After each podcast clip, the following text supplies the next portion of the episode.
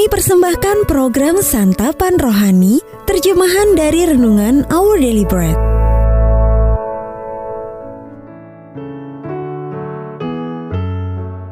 Sahabat ODB, pembacaan Alkitab hari ini terambil dari 2 Korintus pasal yang kelima ayat yang ke-16 sampai dengan ayat yang ke-20. 2 Korintus pasal yang kelima ayat yang ke-16 sampai dengan ayat yang ke-20. Sebab itu kami tidak lagi menilai seorang juga pun menurut ukuran manusia. Dan jika kami pernah menilai Kristus menurut ukuran manusia, sekarang kami tidak lagi menilainya demikian. Jadi, siapa yang ada di dalam Kristus, ia adalah ciptaan baru.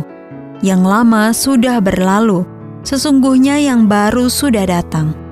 Dan semuanya ini dari Allah, yang dengan perantaraan Kristus telah mendamaikan kita dengan dirinya dan yang telah mempercayakan pelayanan pendamaian itu kepada kami Sebab Allah mendamaikan dunia dengan dirinya oleh Kristus dengan tidak memperhitungkan pelanggaran mereka.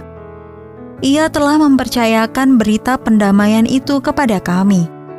Jadi kami ini adalah utusan-utusan Kristus, seakan-akan Allah menasihati kamu dengan perantaraan kami. Dalam nama Kristus, kami meminta kepadamu, berilah dirimu didamaikan dengan Allah Ayat Mas, renungan hari ini terambil dari 2 Korintus pasal yang kelima ayat yang ke-17. Siapa yang ada di dalam Kristus ia adalah ciptaan baru. Yang lama sudah berlalu, sesungguhnya yang baru sudah datang. Judul renungan kali ini, Awal yang Baru, ditulis oleh Leslie Koch. Tahun baru Tionghoa dirayakan oleh keluarga-keluarga keturunan Tionghoa di seluruh dunia. Perayaan tersebut dihitung menggunakan kalender lunar dan biasanya jatuh sekitar akhir Januari hingga pertengahan Februari. Momen istimewa bagi reuni keluarga tersebut syarat dengan tradisi. Sebagian tradisi memang bermakna penting, seperti membeli dan mengenakan pakaian baru, membersihkan rumah dan melunasi hutang, dan mengingatkan bahwa kita akan meninggalkan masa lalu dan memulai tahun baru dengan bersih. Tradisi-tradisi itu juga mengingatkan saya kepada hidup baru di dalam Kristus. Bagaimanapun hidup kita dahulu atau apa pun yang pernah kita lakukan, kita dapat meninggalkan itu semua di belakang. Kita bisa berhenti menyalahkan diri sendiri atas masa lalu dan membuang rasa bersalah. Karena kita tahu bahwa kita sudah sepenuhnya diampuni melalui kematian Yesus di kayu salib.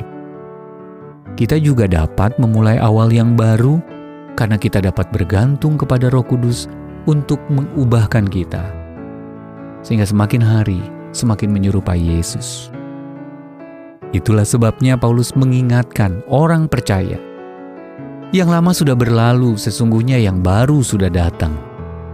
2 Korintus pasal yang kelima ayat yang ke-17. Kita juga dapat mengatakan hal ini karena satu kebenaran yang sederhana tetapi dahsyat. Allah telah mendamaikan kita dengan dirinya oleh Kristus dan tidak lagi memperhitungkan pelanggaran kita. Orang lain mungkin tidak siap melupakan kesalahan kita di masa lalu tetapi kita yakin di hadapan Allah kita tidak lagi dihukum. Roma pasal 8 ayat yang pertama. Paulus menegaskan, Jika Allah di pihak kita, siapakah yang akan melawan kita? Mari menikmati awal yang baru yang Allah berikan kepada kita melalui Yesus. Sahabat ODB, bagaimana Anda dapat mengingatkan diri Anda bahwa Anda sudah sepenuhnya diampuni lewat kematian Kristus di atas kayu salib? Dan bagaimana cara Anda menguatkan seorang petobat baru dalam hidup barunya? Tuhan Yesus terima kasih untuk karya keselamatanmu di kayu salib yang telah mendamaikan aku dengan Allah dan memberiku hidup baru di dalam Engkau. Our daily bread ministry Apakah Anda berminat mendapatkan buku renungan ini dalam bahasa Indonesia, Inggris, atau Mandarin? Atau Anda rindu mendukung pelayanan ini?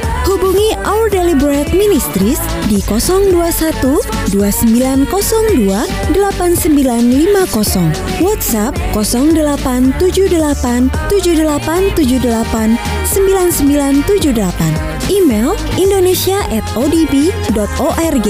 Tuhan Yesus memberkati.